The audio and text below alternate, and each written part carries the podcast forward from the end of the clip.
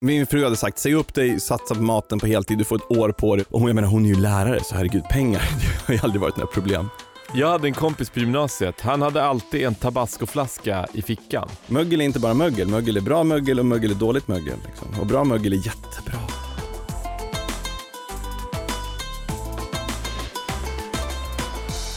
Ja men hej och välkommen till podden Mitt i maten. Hej, Ja, hej välkommen du Linn. tack. Och välkommen alla som lyssnar. Det här pratar vi med människor om mat och på det sättet lär vi känna dem. Mm. Det är väldigt kul. Mm. Och idag har vi en person med oss som egentligen inte alls jobbade med mat från början. Han var PR-kille, jobbade med PR. Mm. Och sen bara, äh, det, det här var inget kul. Det är en Jag- klassiker kan man säga. Eh, Är det det? Ja. Och vad gjorde han då? då? Började jobba med något kreativt som till exempel mat. Mm, precis. PR kan vara lite kreativt Ja, ja. också. Verkligen. Men han blev youtuber Mm. på äldre dagar höll jag på att säga. Käften. Han står här, Johan Matgeek Hedberg. Yay. Tack, Välkommen. tack så jättemycket. Välkommen. Kul att vara här. Du gjorde det som alla tonåringar drömmer om. Ja, det är ju faktiskt, ja det är helt sjukt. Men jag tror att det jag, egentligen så gjorde jag nog det som jag har varit bitter över sedan jag gick i gymnasiet. Vad var det då? Ja men när jag gick, nej, men jag är ju 43 år, vi kan Mm. lika gärna beröra den på en gång.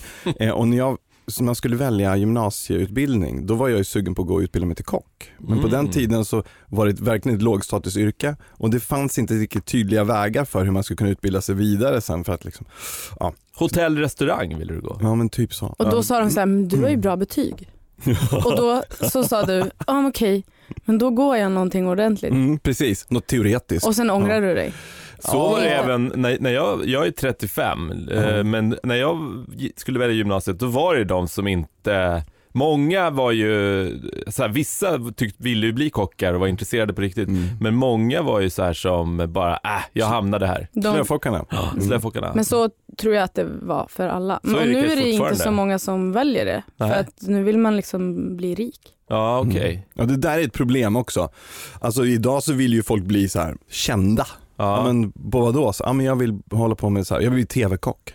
Men det är ju, och, ja, och jag är ju inte kock och jag är inte konditor, jag är ju helt outbildad. Jag är ju bara en väldigt intresserad konsument. Mm. Och det är väl det som är liksom viktigt att poängtera någonstans. Och, och att vara kock idag är ju, det är ju ett hantverksyrke. När, när man idag pratar om kockar och om mat, då måste man någonstans också liksom respektera att de under alla dessa år har gått och lärt sig och förfinat sin så här råvarukännedom och hantering och allt sånt här. Och det blir jag, jag slås varje dag av hur jävla imponerande det är. Mm. Och då så har jag tyckt det varit kul att laga mat hemma och göra sådana saker. Och eh, i förlängningen så vart det liksom att vänta, jag måste kunna liksom börja försöka förmedla till vanliga konsumenter hur häftigt det är med mat. Så vad gjorde du istället för kocklinjen? Eller istället för hotell, restaurang? Alltså en ganska brokig, jag flyttade till Uppsala, jag är ju från Sala ursprungligen, men jag skulle ta steget ut i världen. Och för oss Salabor så är sex mil jävligt långt. Så jag flyttade till Uppsala för att läsa nationalekonomi, för jag, jag har ju tenderat att ha en så romantiserad syn på väldigt mycket saker. Och ibland är det jättebra och ibland är det helt värdelöst. Jag såg ma- marknaden som någon form av väsen som skulle kunna tyglas, så jag ville läsa nationalekonomi för att kunna hålla på med aktier. Jag hade sett filmer som Aronofskys Pi som är en helt otroligt bra film om en kille. Knäpp film. Knäpp film, Mm. mm. men fantastisk om en man som har liksom, som ser på, på marknaden ur ett psykologiskt perspektiv. Ehm, men och ville hålla på med det. Men jag, då var man ju tvungen att sitta på jättetråkiga så här, föreläsningar med 300 pers så- som jag somnade på. Liksom. Mm. Alltså på riktigt så att det smällde i bänken när huvudet föll ner. Och då, det funkar ju inte. Jag är en av de få som har läst två terminer på Uppsala universitet och bara tagit fyra poäng. Mm. CSN hade en piltavla i mitt ansikte på och bara garvade när de såg mig. Det är starkt. Ja, jag vet inte. Nu, Idag är det ju en kul grej att tycka det är lite roligt men Mm. hade det gått bara åt helvete hela tiden då hade det inte varit så charmigt längre. Liksom. Nej.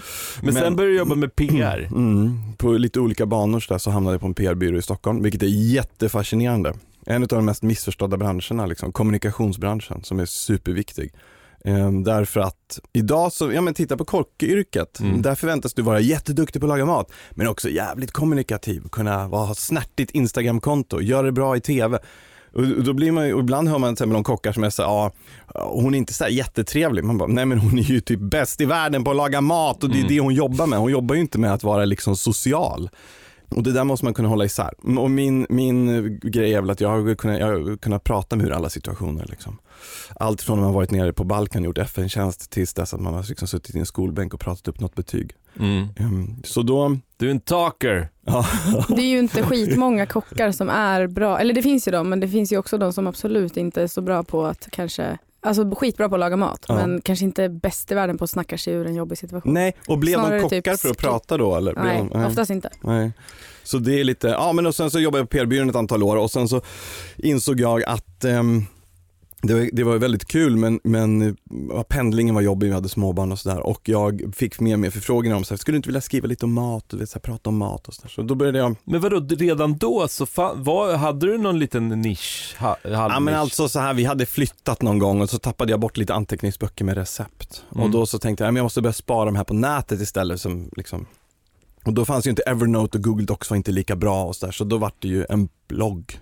Mm. Och det var inte meningen att någon skulle läsa den men fler och fler hittade till den och läste. Och, Äh, du, du, det är som det var, du startade en matblogg. jo men alltså, jo, men, jo, men, så pinsamt ja, att Du ha haft "Äh, en jag skulle matblogg. bara Jag- skriva ner lite Nej, men- anteckningar. Ja men det där är lite intressant därför att det finns den här filmen Julie and Julia Mhm. om den här amerikanska tjejen som Julia, eh, Julia Childs som förde in den franska matlagningen i USA och gjorde det tillgängligt för jänkarna.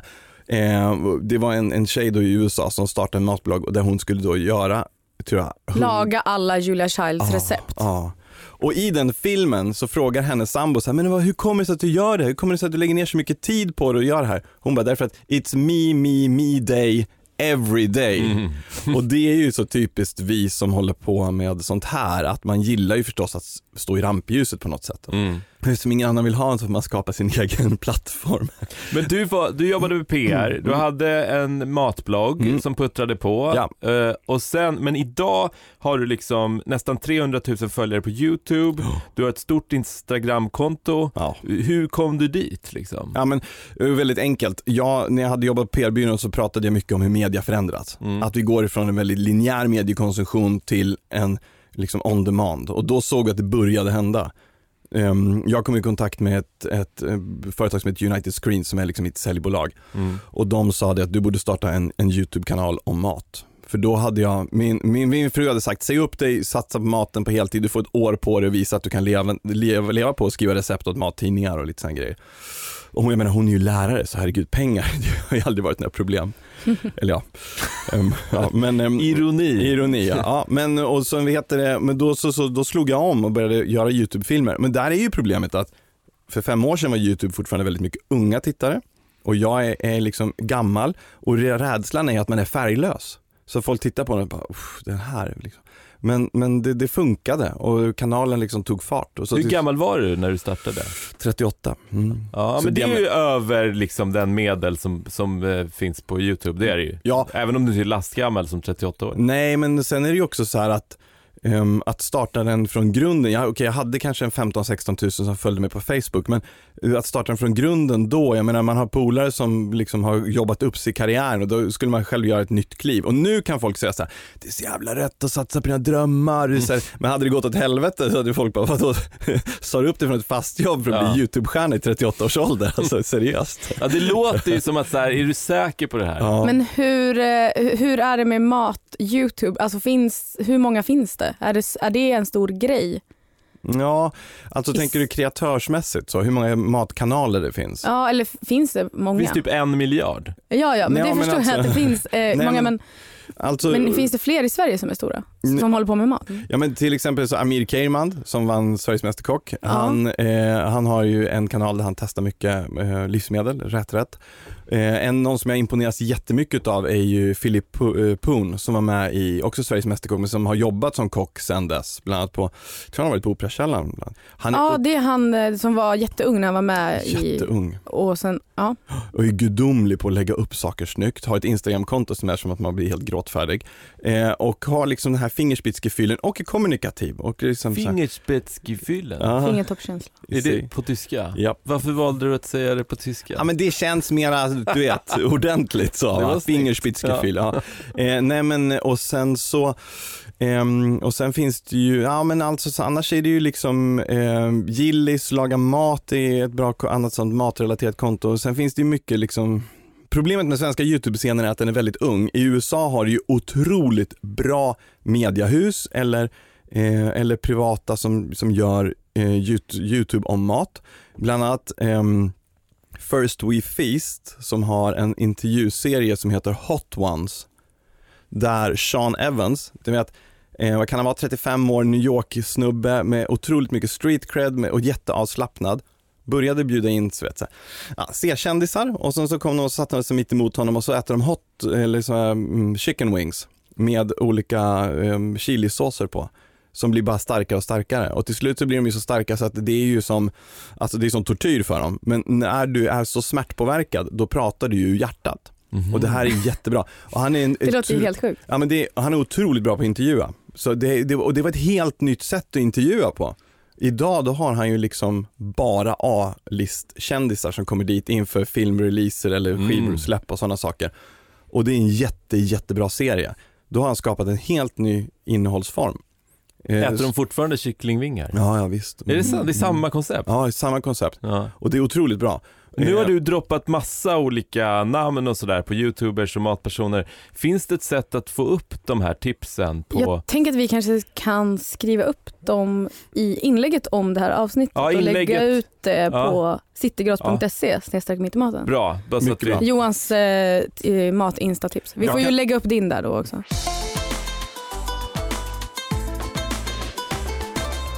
Du har ju någon slags koppling till det militära på något vis. Ja, alltså jag gjorde värnplikten, för, men det är ju 22 år sedan och sen har jag gjort lite utlandstjänst nere på Balkan. Så här. Ja. Alltså det är ju så här att vi, många har ju en, en förlegad syn på vad, vad försvaret innebär och så. Att, att det är, jag tycker att det är en tillgång.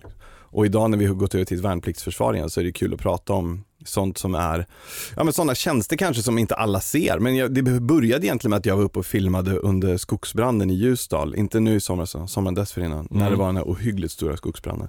Så då var jag med en hemvärnsgrupp upp och in i skogen och liksom filmade hur de kämpade och filmade frivilliga som var där liksom, och ja, verkligen var där på sin obetalda fritid bara för att hjälpa till och städa toaletter och släpa fram mat och Mm. rulla slang. Det här, äh, din, den här eh, ingången och ditt förhållande till försvaret och, Mm. och, och intresset, det har jag förstått också har gjort dig till en slags eh, prepper. Nej, jag är inte en prepper. Han är Alltså- inte bloggare, han är inte prepper. Nej, han bara, men- han bara men- skriver anteckningar. Han har bara källan full med burkar. Men det är, Nej men, nej, men inte riktigt så är det väl inte riktigt. du är lite smygprepper. Nej men jag Extra gillar blöjor och... Alltså så här va, jag ursäktar mitt eh, intresse för konservering av mat och eh, mjölksyning och sådana saker med att, eh, att det kan vara bra att ha när det blir dåligt väder ute liksom. Vad har du då? Mm. Ja men jag jag köpte ett så här skåp för att kunna göra, för att kunna göra Kolla han skäms.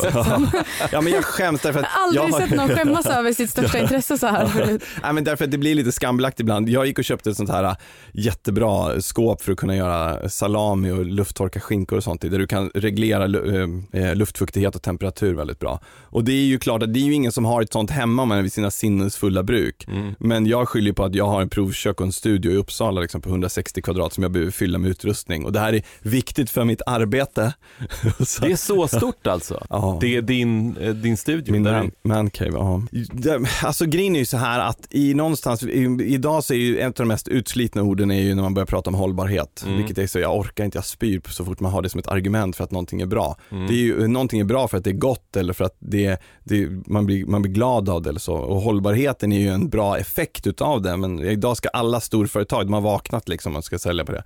Men att kunna ta tillvara på liksom hela djuret är ju fantastiskt. Och till exempel korven har ju fått en så här status av dålig mat. Medan samtidigt så pratar man att vi ska Men har en del Nej, längre? inte längre kanske, men unga tror ju fortfarande därför att det finns så unga influencers som bara, ah, korv är skitdåligt. Man bara, men alltså ni vill att vi ska respektera djuret, då tar man tillvara på så mycket som möjligt och att göra korv och pölsa, det är ju ett fantastiskt sätt att ta tillvara på det som annars slängs. Det är också en sån här, gud som konsument bara, när man läser på förpackningen så här 96% kött, man bara, men det är som att skriva att det är 70% kakao, det säger ju ingenting om det är gott eller inte. Mm. Alltså förstår jag menar? Folk köper på helt fel premisser. Eh, och det vill man också kunna prata om, men också hur lätt det är att göra korv hemma. Du behöver inte ha det här jävla skåpet, du, kan, du behöver inte ens eh, liksom, eh, du kan köpa plaströr och alltså konstfjälster. och liksom fylla det i och sen lägga in i kylen och låta det liksom aktiveras och gå igång. Nu vill Farzad ha en förklaring. Nej men jag, jag, jag vill tillbaks ännu längre för jag fattar inte det här skåpet, För hur du gör korv i ett skåp. Ja men alltså, när du gör salami, Ja. då, då, det, det konserveras ju genom att du, du, du, Det är eh, liksom- du häller i mjölksyrabakterier. Eh, och det måste, det, sen, det måste sen då aktiveras. Du häller i måste, mjölksyrebakterier i vad då? Ja, i köttblandningen. Liksom. Ja, Ja, du, du mixar kött eh, och vad du nu ska ha i korven då. Ja, det. Mjölksyrabakterier Mm. och så lite socker som de kan livnära sig på. Mm. Och sen så hänger du in det där i typ 27 grader värme. Du stoppar det också? Ja, ja, visst, självklart. Så hänger man in det i 27 grader värme. Och vad som händer då är att de här börjar bara, oj vi är jättepigga och så börjar de äta av sockret och så, så sänker de pH-nivån i korven. Mm. Ja, och då, in, då får du en konservering. Eh, och då gör man det under något dygn och sen börjar man sänka temperaturen och så börjar då korven att torka under Ja. lång tid. Ehm, och sen har du ju en produkt som klarar sig i all oändlig tid. Den kan ju inte bli dålig. Du har så mycket salt i den och så lågt pH så det är inget dåligt som kan växa i den. Nej. Och det här är ju ganska lätt egentligen att återskapa och göra hemma. Och att kunna bjuda på sin hemgjorda salami till Mm. jul, det är ju så, det är så jävla, det är så mycket cred hos släktingarna så det liknar ju ingenting. Eh, och då vill man ju, jag vill hitta metoder som gör att man kan visa det för folk och så här, så här kan ni göra hemma i ert eget kylskåp. Ehm, Jag fattar, och det, men då måste man alltså inte ha det där skåpet 27-gradiga. Det går, hur Nej. gör man om jag man tänker inte har att det? man kan, eh, liksom, man kan väl se till att eh, ens kök råkar bli lite väl varmt. Eh, Hur då? ja, men, sätta på ugnen och vrida upp elementet eller någonting. Ja, eller köpa en, ett, en sån här billig akvarievärmare och Ja. så tar du en frigolitlåda och gör några hål på. Och sen så kopplar du en liten termostat till det och, och kör igång. Eller om du har en bastu så kan du köpa eftervärme. Eller, Eller lite- badrummet? Ja, badrummet kanske är så- lite sådär. Det är nog lite fuktigt. Men, Aha. men eh, och sen så får man väl, om när man ska börja sänka temperaturen, då kanske man kan, om, beroende på om man har någon källare eller om man har liksom, viss, vissa kanske till och med har en jordkällare. Ja. Kanske inte så jättevanligt i Stockholms innerstad. Men, men då kanske man har något förråd eller någonting. Det Eh, ändå är relativt torrt. Och 27 sen liksom in i kyl. Hur länge? Eh, ungefär ett dygn. Ja, inte Mm. mer alltså.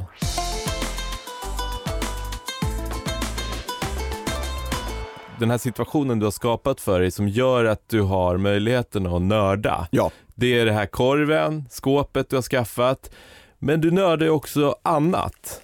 Ja, ah, ja men jag, gräver, jag vill ju gräva ner mig i saker till max. När jag hittar någonting som jag blir kär i, Ja. då vill jag liksom, jag vill, jag vill bemästra det. Vad blir du kär i? Vad har du varit kär i då, som har varit bra? Men alltså jag, är, jag älskar det japanska köket. Mm. Det är ju en typisk sån sak. Eh, och det är ju, på ytan så är ju det väldigt likt det svenska med mycket syra och mycket sälta. Eh, och det tilltalar oss för det kommer så mycket från havet. Va? Och, ja, men miljöerna påminner om varandra. Mm. Men sen så är ju de, de är ju galna på eh, att låta saker och ting ta tid och det, det tycker jag är så häftigt liksom. Sojaproduktion och hur man, de, de bygger väldigt mycket på Eh, på, på ett mögel eh, som, som ligger till grund för liksom, skapandet av soja och sake och mm, eh, mycket annat. Men de har också Vad är det? eh, koji. Som är liksom, i princip så är det ett, du, du, du, ång, du tar ris och så ångar du det och så tillsätter du mögelsporer Mhm. och så växer det där möglet på. Sen använder du det då på olika sätt. Du kan, kan blanda sånt möglat ris med, med vatten, bara mixa det och sen så kan du marinera kött i det, det blir jättegott. Men du kan också använda det, i USA använder man när man, när man ska ehm, hängmöra kött fast under väldigt kort tid så täcker man det med sån här koji-mögel och då tränger mögeltrådarna in i köttet och liksom suger ur vätska vilket gör att du får som en hängmörning fast du, kan, du skapar den på typ tre dagar. Och vart tar de vägen sen? Ja, man skrapar av det eller man steker upp det och äter det. Det är inte farligt för kroppen. Det är ju Nej. som, som möglet på en brieost, det är ju också ett, ett bra mögel. Liksom. Ja. Det är också en sån här grej. Mögel är inte bara mögel, mögel är bra mögel och mögel är dåligt mögel. Liksom. Och bra mögel är jättebra. Ja. Men en av grunderna i det japanska köket är någonting som heter katsuobushi. Och det är, det är världens hårdaste livsmedel. Så vad man har gjort är att man har tagit en bit av boniton, eh, alltså en fisk då, en typ av tonfisk. Och sen så eh, ångar man den. Man, man skär loss som en stor bit och så ångar man den. Så röker man den under tre dagar. Och sen torkar man den i minst tre månader. Och då är den ju torr. Då är den ju hård som sten Alltså och det kan man ju mörda någon med. Ja, men vad de gör då? Men det Det är är, att då tills- tonfisk bara, Ja, fortfarande? ja, en typ av tonfisk. Ja. Ja. Men då tillsätter de det här koji-möglet ovanpå det som får tränga in i och suga ur allra, allra sista fukten. Och då blir den ju liksom hård som diamant. Ja, inte riktigt Och hårt vad gör man med den sen? Jo men sen hyvlar du den, då får du bonito-flingor och det är liksom grunden till till exempel japanska buljonger. Mhm. Eh, så om du gör den mest traditionella, eller en så vanlig japansk buljong, då använder du liksom en, en alg som du, du skyddar vatten med en alg, tar upp algen och sen så har du i såna bonitoflingor, då får du en rökig umami och liksom ett djup i smaken som är galet. Alltså hur, den som kom på att ta den här fiskbiten och, eh, vad, vad var det man gjorde först? Ångade den, Ångade den och sen, rökte den. och sen låta den stå i hundra år och sen eh, tillsätta det här eh, så att den ska bli hård som dema. Det, vem kommer på det? Ja men det är väl Det- som med mycket annan sån här fantastisk mat, att man, man, någon ångade fisken och sen så typ så, så rökte man den för man höll på rökte massa annat. så glömde man bort den och så vart den liggande och så hittade man den, hoppsan den är jättehård, ja vi måste fortfarande äta den. Ja, vad gör vi med den då? då? Vi får skrapa på den med kniven här liksom och då fick man loss massa bitar. Luktar gott, smakar gott. Ehm, men det... Eller så var det en, eh, ett sätt att lagra den från början och sen så kanske man ändå... Alltså alla sådana hårda torkade rökta grejer är väl lagringsprocesser från början. Och eh, kolla upp eh, recept och bilder och annat kul på citygross.se mitt i maten. Har du gjort det här? Jag och Andreas då, Andreas är kameramannen som brukar vara med mig allt som oftast. Eh, Vi var till Tokyo ett antal dagar här i våras. Det hade börjat med att jag hade sett en dokumentär om han som gör den bästa katsubushin i Mm. Japan.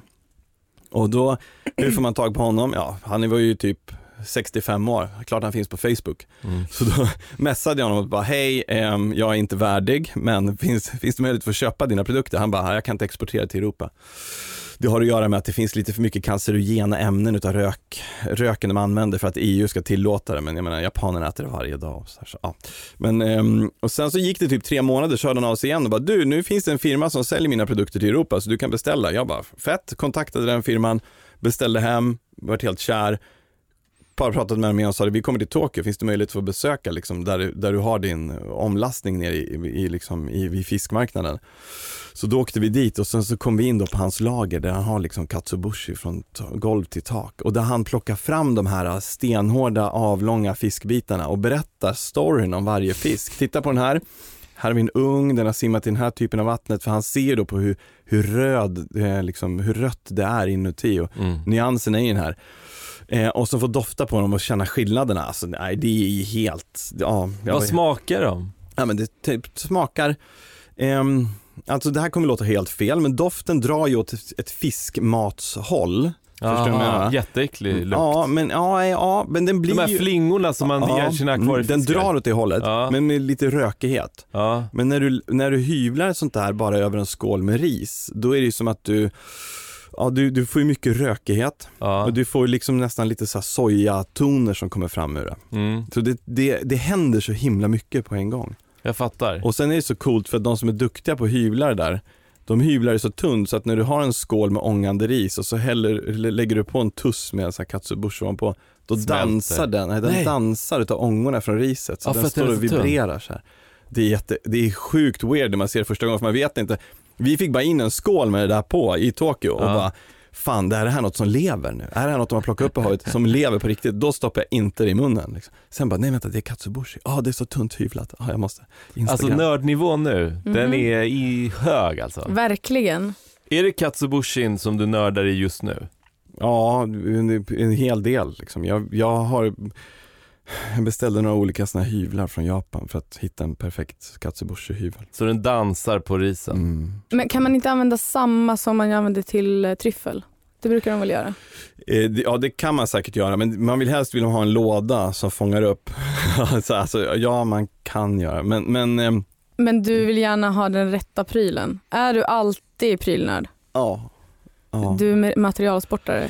Alltså ja, vad fan, ja det är ju. Alltså jag brukar säga att jag har mitt jobb för att det är kul att köpa teknik. Ja. Eh, och jag tycker att det är roligt därför att det finns, ibland stöter man på de här grejerna som man tänker, hur har jag, in, hur har jag kunnat leva utan den här tidigare? Vad, vad är det?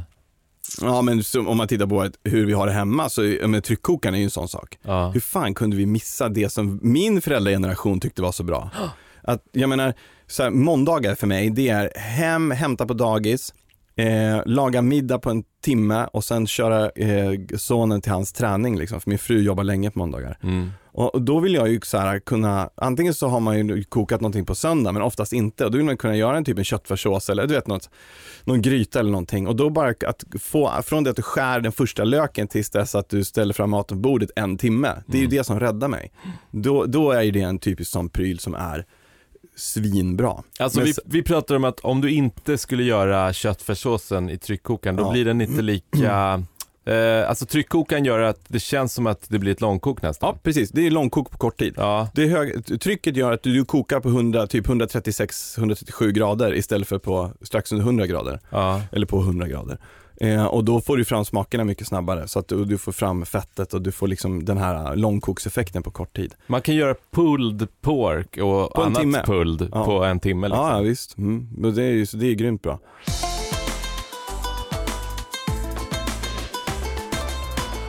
Jag är med i en sån här barbecue-forum på Facebook. Mm. Och då var det någon som kom in och skrev så här, ja hej vi har lite gäster i helgen, en av dem är veganer. Har ni något bra tips på så här veganskt att lägga på grillen? Och man bara, och nu kommer stormen folk som bara Barbecue-gruppen bara, Ja, eller? eller hur? Va? Man bara tror att alla så här, långa Åh. gråhåriga, eller så här, sk- storskäggiga Texasbor ska bara flippa. Men det som var häftigt var hur de dödade fördomarna. Det var alltså kanske 40 olika tips på goda veganska grejer att grilla. Från du vet så här äh, alfa, ja du vet brödgrillar typer liksom. Mm. Det var jävligt häftigt. Härligt. Och det är sånt man vill man ju se mer ja, utav. verkligen. Därför att vi behöver inte bli så jävla, vi är så uppdelade i läger när det kommer till mat. Ja. Och det här får ju du också känna på ibland när du gör vissa samarbeten. Absolut. Att folk, jag märker, du blir nästan lite eldig när du pratar om det här. Ja. Men att folk hör av sig till dig och bara "Åh, hur kan du jobba med dem? De gör inga schyssta grejer. Eller Mm. de gör... Och kan, Fast- du, kan du inte förstå det? Att man ändå vill, eh, vill för att det- de personerna säger det är ju så här att eh, de som i alla fall är, är producenter måste ta ansvar. Absolut. Och, och att vi som är, eller vi, du som är eh, så här, vad ska man säga, influencer och påverkar, att du inte ska att du inte ska liksom så här, vad ska man säga, göra reklam för saker som inte är toppen. Mm. Men jag jobbar aldrig med företag som jag inte kan ställa mig bakom. Det är så? Jag jobbar aldrig med tobak, jag jobbar inte med spel, jag jobbar inte med energidrycker. Ja. Och det är lätt att säga tills den dagen Red Bull kommer och säger du får en mille om du vill bli sponsrad. Då kanske jag ändrar uppfattning. Jag är Ja. fan bara människa. Jag har Ja. kanske fyra goda år till, sen ska jag gå i pension. Alltså förstår du vad jag menar? Det är jävligt lätt att vara så vara kaxig Wow. tills de kommer. Nej men alltså. Pension 49 års ålder. Nej, Fan, men- jag skulle också vilja ha det så. Nej men du förstår vad jag menar. Ja, jag fattar. Och grejen är den att ehm, eh, de företag som jag jobbar med idag har ju alla, det är ju inget som är perfekt. Nej. Alltså, vad ska vi ta för exempel? Ja men typ Kavli, ett bra exempel. De hörde av sig och bara, du, vill du, skulle du vilja göra någonting med vår mjukost? Och jag bara, nej nej nej, alltså, jag jobbar bara med kvalitet. Och de bara, vad snackar du om? Jag bara, ja men alltså du vet mjukost, man vet ju det. För för mig är det en skamsprodukt, Mm. eller vad? Och så de bara, du får fan läsa på lite så kan du väl höra av dig igen. Så då kollade jag så, okej det är ost, svensk ost, det är smältsalter eh, som det måste vara i för att den ska fortsätta vara smält. Ehm, svensk skinka, det är så här, det, det är bra grejer. Ja. Men Så- kan du berätta varför den kan stå i typ eh, ett decennium i rumstemperatur? Nej men den kan inte stå i, ja därför att det är en hel konserv tills du öppnar den. Ja. Det kan ju vara som helst, det kan ärtsoppan på burk, det kan krossade tomater, den kan stå i hundra år. Så Men- det är inga problem, för det är en hel konserv. Det har inte att göra med vad som är i den, utan det är ju hur den är hur- liksom förpackad. Sen när du öppnar den, då måste du stoppa in den i kylen, men där Mm. håller den sig ju länge, men då är den ju nedkyld. Men det som hände då, det var att jag åkte till fabriken och filmade hur de tillverkade den, la ut den. Och det var så många som hade samma åsikt, liksom att shit, jag trodde att det här var en, en sämre produkt än vad det är, det här är ju svinbra. Eh, och du, många företag som jag jobbar med, Det är roligt för vi pratade ju faktiskt om det. Med Sandra Beijer. Ja, men Hon precis. älskar ju skinkost. ja. Räkost. Räkost, förlåt. Jag har ju sett ner på min fru för att hon var så här, "Ah, det vore, nu köpte jag mjukost, jag bara, men för helvete älskling. Men nu är det ju så här, det var ju jag som var obildad. Mm. Och många gånger som till exempel så här krossade tomater, eller så här, hela tomater på burk. Mm. Ja men så här, hur bra tomater är det då? Så. Mm. Jag åkte till Italien så var vi med ut när de skördade, liksom hela familjen står på en skördare och river upp. Man får stå och käka de här, vet du det liksom, eh, solmogna tomaterna. Och bara, Ja. shit, ja, okej jag fattar, man får med sig smaken. Och eh, när man får träffa mycket producenter och mycket kockar och mycket matmänniskor, då lär man sig och då blir man också av med mycket fördomar kring det. Men det är ju också, alltså jag kan tänka mig, jag fattar, det, det är konserverat och sådär, men måste vi stoppa in en massa saker i ost så att den håller sig aslänge och blir någon slags ny produkt som är någon slags, eh, ja, superkonserv. Tänker du på mjukosten? Ja men jag tänker på mjukosten när det finns typ en miljard andra, det finns ju andra sätt att äta ost på. Var, varför ska vi ha den där uh, e-osten liksom? Fast det är ju inte en e-ost. Vad är det? Ja alltså det är ju en Det han menar med helkonserv är att det är samma sak som en konservburk. Att Jo, det är vet. förpackningen som håller den fräsch och Jo, inte innehållet. Men du är, nu är du den typiska konsumenten. Ja som verkligen, baserar det är dina- mitt jobb Du här. baserar dina argument på dina fördomar och inte din kunskap om produkten. Ja, Och det här är ju företagens problem också. De är dåliga idag på att kommunicera ut. Vi har ju fått, jag är ju uppväxt i tron att frysta grönsaker, ah, fy fan det ska man inte hålla på med. Men jag menar då, frysta ärtor, det är ju kanon. De är skördade när de är perfekt mogna. Fick man inte de, lära sig det på hemkunskapen? Alla gröna, alla gröna saker passar bra att frysa. Typ riktig Ah. sån klassisk eh, husmorsgrej att säga. Det är en bra grej. men Smart. alltså det är ju en annan grej, då har man fryst den. Men jag tänker att för att osten ska kunna hålla sig så länge så har man stoppat en massa saker i. Ja, du har, förmodligen har du haft i lite konserveringsmedel, men Ja. vad är problemet med det? Nej jag, jag vet inte, jag bara tänker måste vi göra det? Men varför inte? Vi, konserveringsmedlen gör ju också att vi minskar matsvinnet.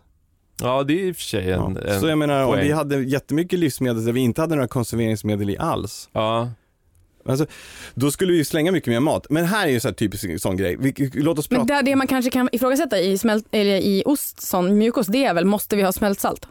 ja det, det? finns ju färskost som är naturligt krämig. Måste vi ha en ost som är smält som säljs i en förpackning? Det kanske vi skulle kunna... Ja, skulle jag tycka, vi ha det skulle kunna vara min. smältsalt? Fan för smältsalt. Jag hatar smältsalt. Nej, men alltså, Vad är det? det, som är, det, det som är intressant, som jag kan tycka, eller det som jag skulle vilja se mer debatt kring, Ja. det är ju liksom MSG, alltså na, na, natriumglutamat, eh, ja, eh, smakförstärkare. Ja just För det. i, i Asien till exempel, då använder man ju det ganska mycket för att Mm. öka på smakerna. Men här, då har vi till exempel tagit eh, charkprodukter som, ta ett leverpastej.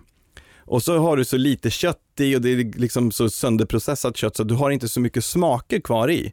Då döljer man det genom att tillsätta smakförstärkare så att folk bara, åh det här smakar jättemycket, vad gott det var, det måste vara bra. Mm. Nej, det kanske inte är. Mm. Det är inte farligt, men du har ju sminkat en gris. Du har ju tagit en dålig produkt, fått den att verka bättre genom tillsatser. Mm. Då kan jag reta mig. Då är de ju onödiga. Men ibland så är ju tillsatser bra därför att det minskar Eh, alltså konserveringsmedel är för att vi kan bevara saker längre, vi behöver inte slänga dem lika snabbt. Eh, jag menar det finns ju, och debatten i Sverige har blivit så här, vi ska inte ha några tillsatser, alla tillsatser är dåliga. Man bara, eh, nej. Lär er vilka tillsatser som är hanterbara vilka, och i, i vilket sammanhang de används. Mm. Jag, jag har ingen koll på vilka som är bra och dåliga, men i, liksom, om jag frågar min mage, Ja. och då menar jag inte vad den vill att jag stoppar i den, utan mer så här magkänslan. Så känns det som att så här, om man kan hålla sig till det naturliga, alltså om jag kan plocka min egen mat från ett träd, så känns det i mitt sinne som en bättre grej. Jo, Än att öppna en låda som någon annan har packat i en fabrik. Självklart, Ja. visst är det så. Men med det sagt, Mm. då ska vi inte bo i Sverige.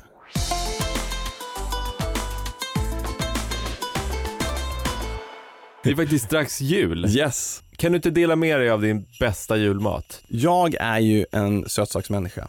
Jag älskar desserter. Men är det någonting som man ska göra, om man ska göra nu, inför julen, då är det en romtopf.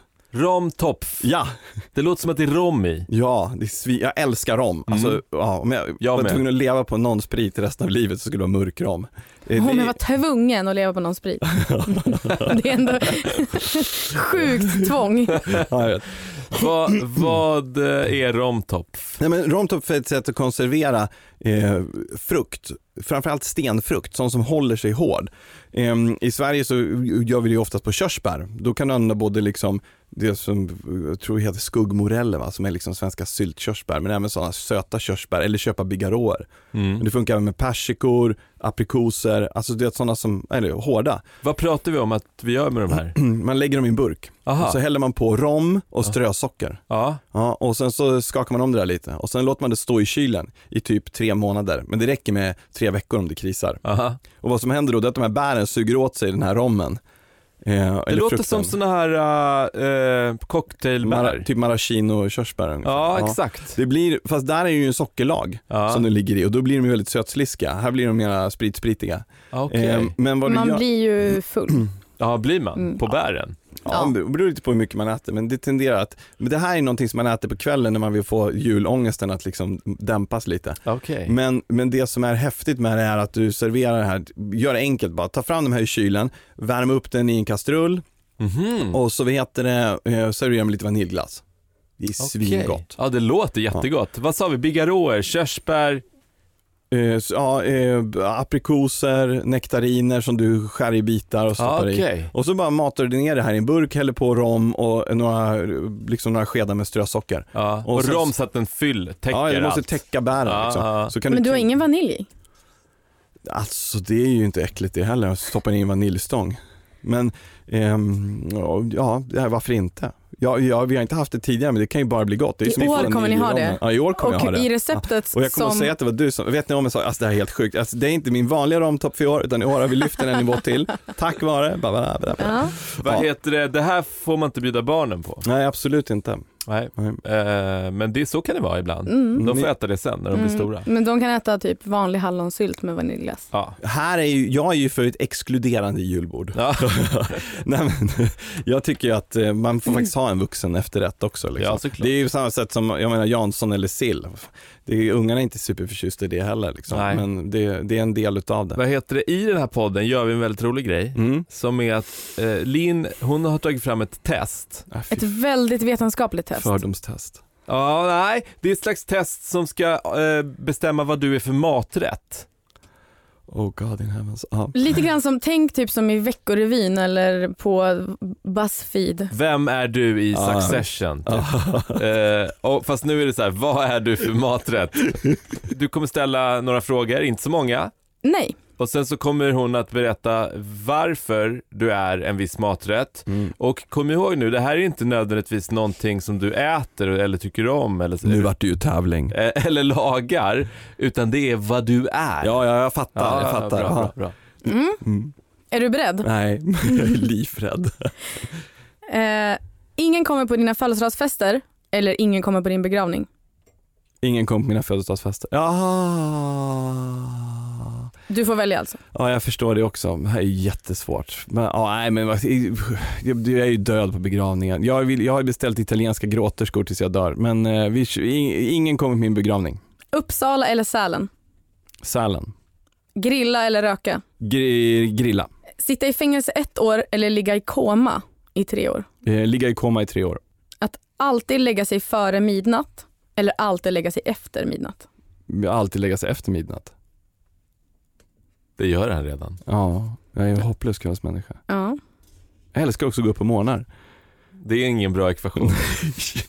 Jag har ett resultat. Oh my god. Utifrån dina svar på mina frågor så har jag kommit fram till att eh, du är en maträtt som tyvärr inte får mixtras med men ändå görs.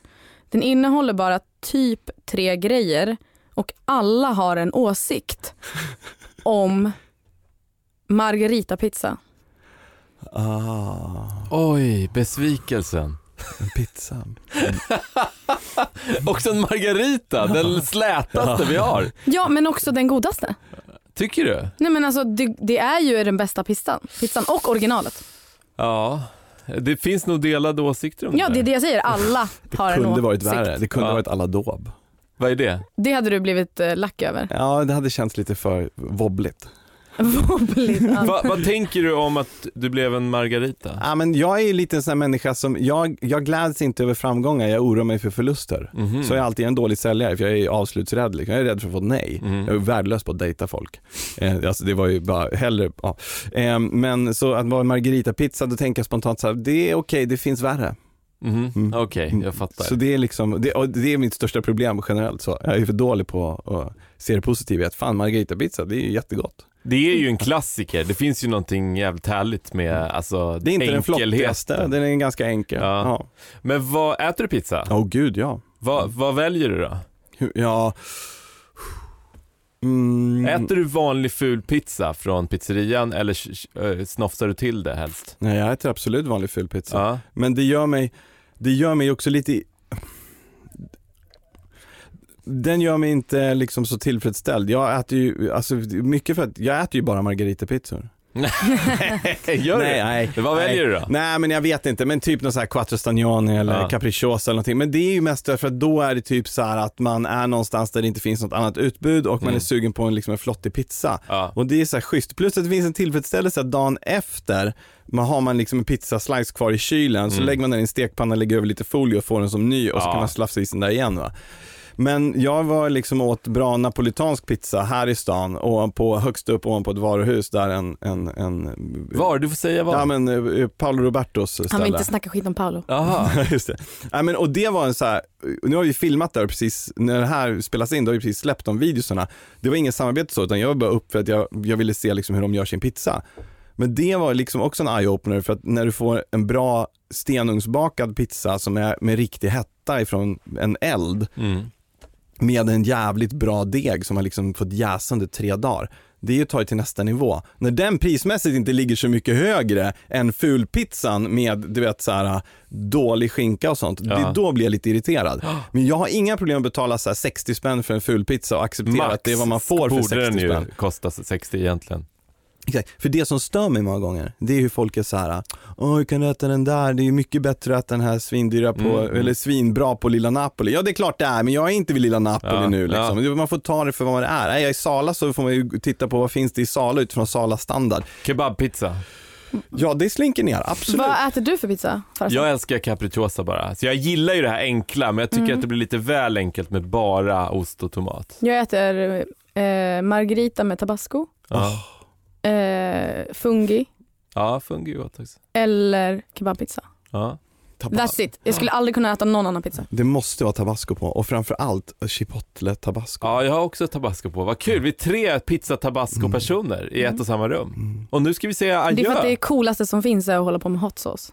Det är- Är det det på riktigt? Alltså vänta, vänta, vänta. Du, jag vet att du vill avbryta det här, vi har gått över tiden så här, men det här måste vi fan prata om. Är det det eller är det bara vad vi har fått för oss att det är? Nej men alltså det är ju bara, det är ju självklart bara vad vi tror. Ja. Men det är fortfarande en sån grej som alla vill säga. Alla vill ju säga så bara, ja men jag gillar stark sås. Jag hade en kompis på gymnasiet, Ja. han hade alltid en tabascoflaska i fickan. För att om han kom någonstans där det inte fanns. Då kunde Det var det värsta som kunde hända honom. Ja, det var det värsta som kunde Ja. Det var ett ganska skönt gymnasiestatement när man ville vara tydlig med vilken så här, läge man tillhörde. Man var fan syntare eller punkare. Ja. Man hade tabasco eller så hade man inte tabasco. Ja. Vem Han var lite Var hårdare. det syntaren eller punkaren som hade tabasco? Mm, syntaren skulle jag tro faktiskt. Ja. punkarna hade väl så här handsprit som de drack. Men, vad heter, men det är ganska spännande, just det där med hela hot sauce-trenden. Att, att alla vill göra sin egen, vilket är ganska häftigt att de testar. Men det har också blivit lite sådär att det duger liksom inte längre med vanlig butiks... Jag menar jag älskar ju sriracha. Ja, men då känns det helt plötsligt som att jag är lite såhär pöbel. Då är det Ja. ketchup liksom. Tänk att sriracha har blivit pöbelmat. Mm. Ja, eller hur? Det, var, det tog typ eh, Det tio går fort. månader. Ja, det går gick riktigt fort. Mm. Hörni, Ja. gott snack. Tack. Ja. Tack Johan för att du var med. Kul att vara här. Tack så mycket. Ja, ha det gott. Ha det så Hej. fint. Tja tja. Mitt i maten görs i samarbete med Citygross. Av Munk Studios.